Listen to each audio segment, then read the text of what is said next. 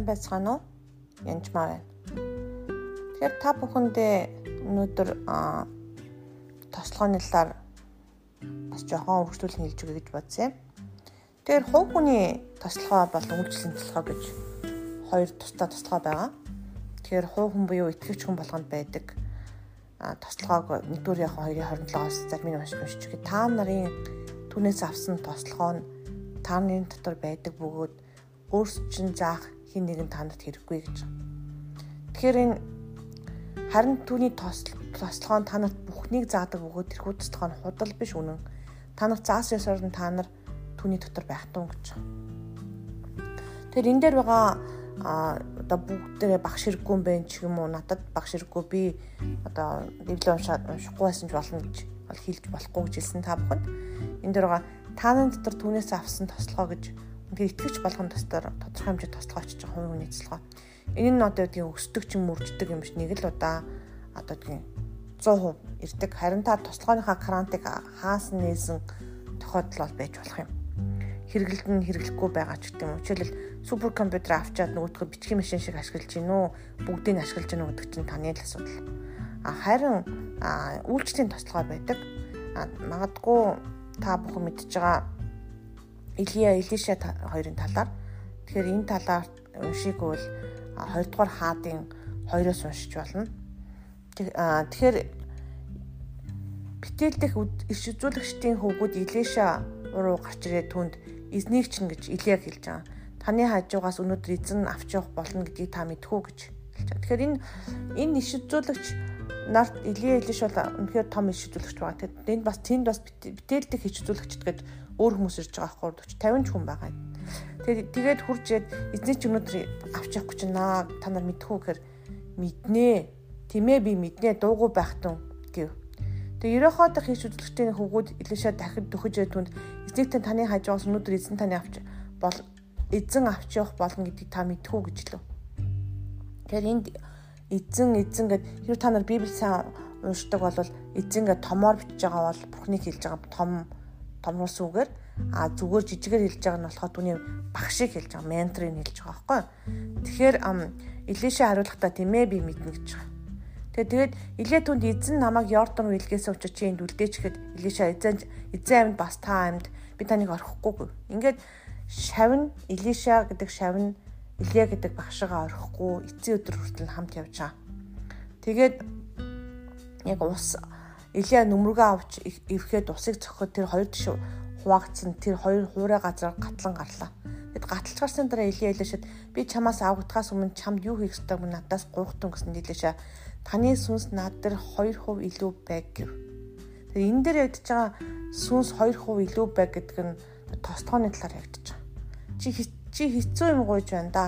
Тэр намайг чамаас авагдаж байхад чи намайг олж харвал тэр нь чамд биелнэ харин харахгүй бол биелэхгүй гэж хэлж байгаа.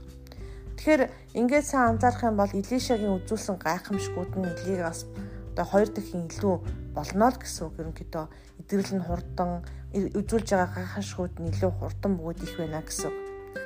Тэгээд энэ бүх зүйлийг сайн харах юм бол тэдний ярилцаар явж байтал харахтун галан тэрнүүд болон галан мөр тэр хоёрыг салгаж Илия хуйслахаар тэнгэрүүд одчих. Тэгэхээр Библиэлд ингэж дээшээ одсон хүмүүс олон байдаггүй А үнэхээр тэдний нэг нь онцгой Илия юм онцгой байсан.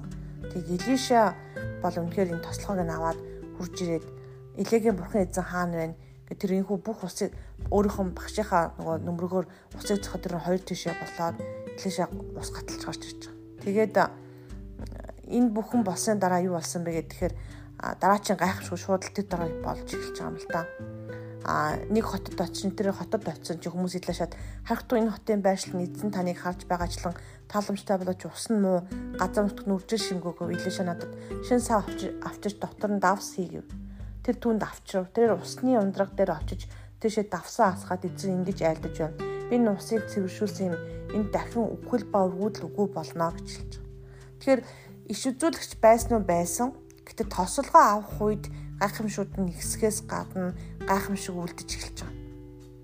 Илүү их гайхамшгуудыг үлдэж эхэлдэг.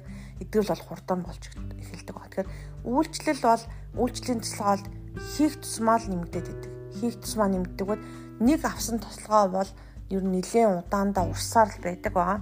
Тэгээд одоо юу гин зарим одоо мундаг хүмүүс жишээлбэл таг хэлдэг 20 жилийн дотор би 4 удаа том тослогоо авсан байт юм аа. Маш хүчтэй зогсож чадахгүй байсан гэд. Тэгэхээр би бол тийм олон тослогоо авч байгаагүй. Яг бүр онцгой л нэг тослогоо бол бүр үнэхээр зогсож чадахгүй хүчтэй гадар нутгийн тийм том хүчийг мэдрээ. Тэгээд утсын зогс хүнтэй ярьж чад утсын цаатлын хүн цааталт нь унаад байсан. А одоо л гар ч юм өөрөөр хөдөлгөх тэр үнэхээр бүр ямар тослогоо авсан би хэлж мэдэхгүй. А зарим хүмүүс болохоор Ox Nointen буюу бухын тослогоо гэдэг газар нутгийн тослогоо байх л гэдэг.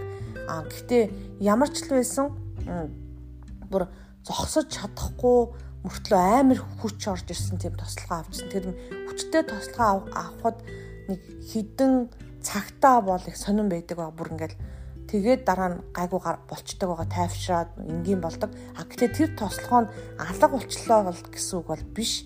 Яг тэр тухайн үе яг авч явах үе үеэсээ гайгүй болсон боловч тэр тослогоо урсдаг байж байгаа. Тэгэхээр тослогоо бас яг үнэхээр гадас шиг таныг үннээс холдуулдаггүй байгаа. Тэгээд үнэхээр ямар ч л байсан тослогоо үнэхээр бас заадаг байгаа. Үннийг заадаг байгаа. Тэгэхээр тийм учраас тослогоо урсаж байх үед үйлчлэл дээр байл илүү хурдан эдгэрдэг, хурдан чөлөөлөгдөг тийм байдалтай байгаа шүү. Тэгээд үйлчлэлийн болон зүгээр хувь хүний тослогоог бас андууруу зай.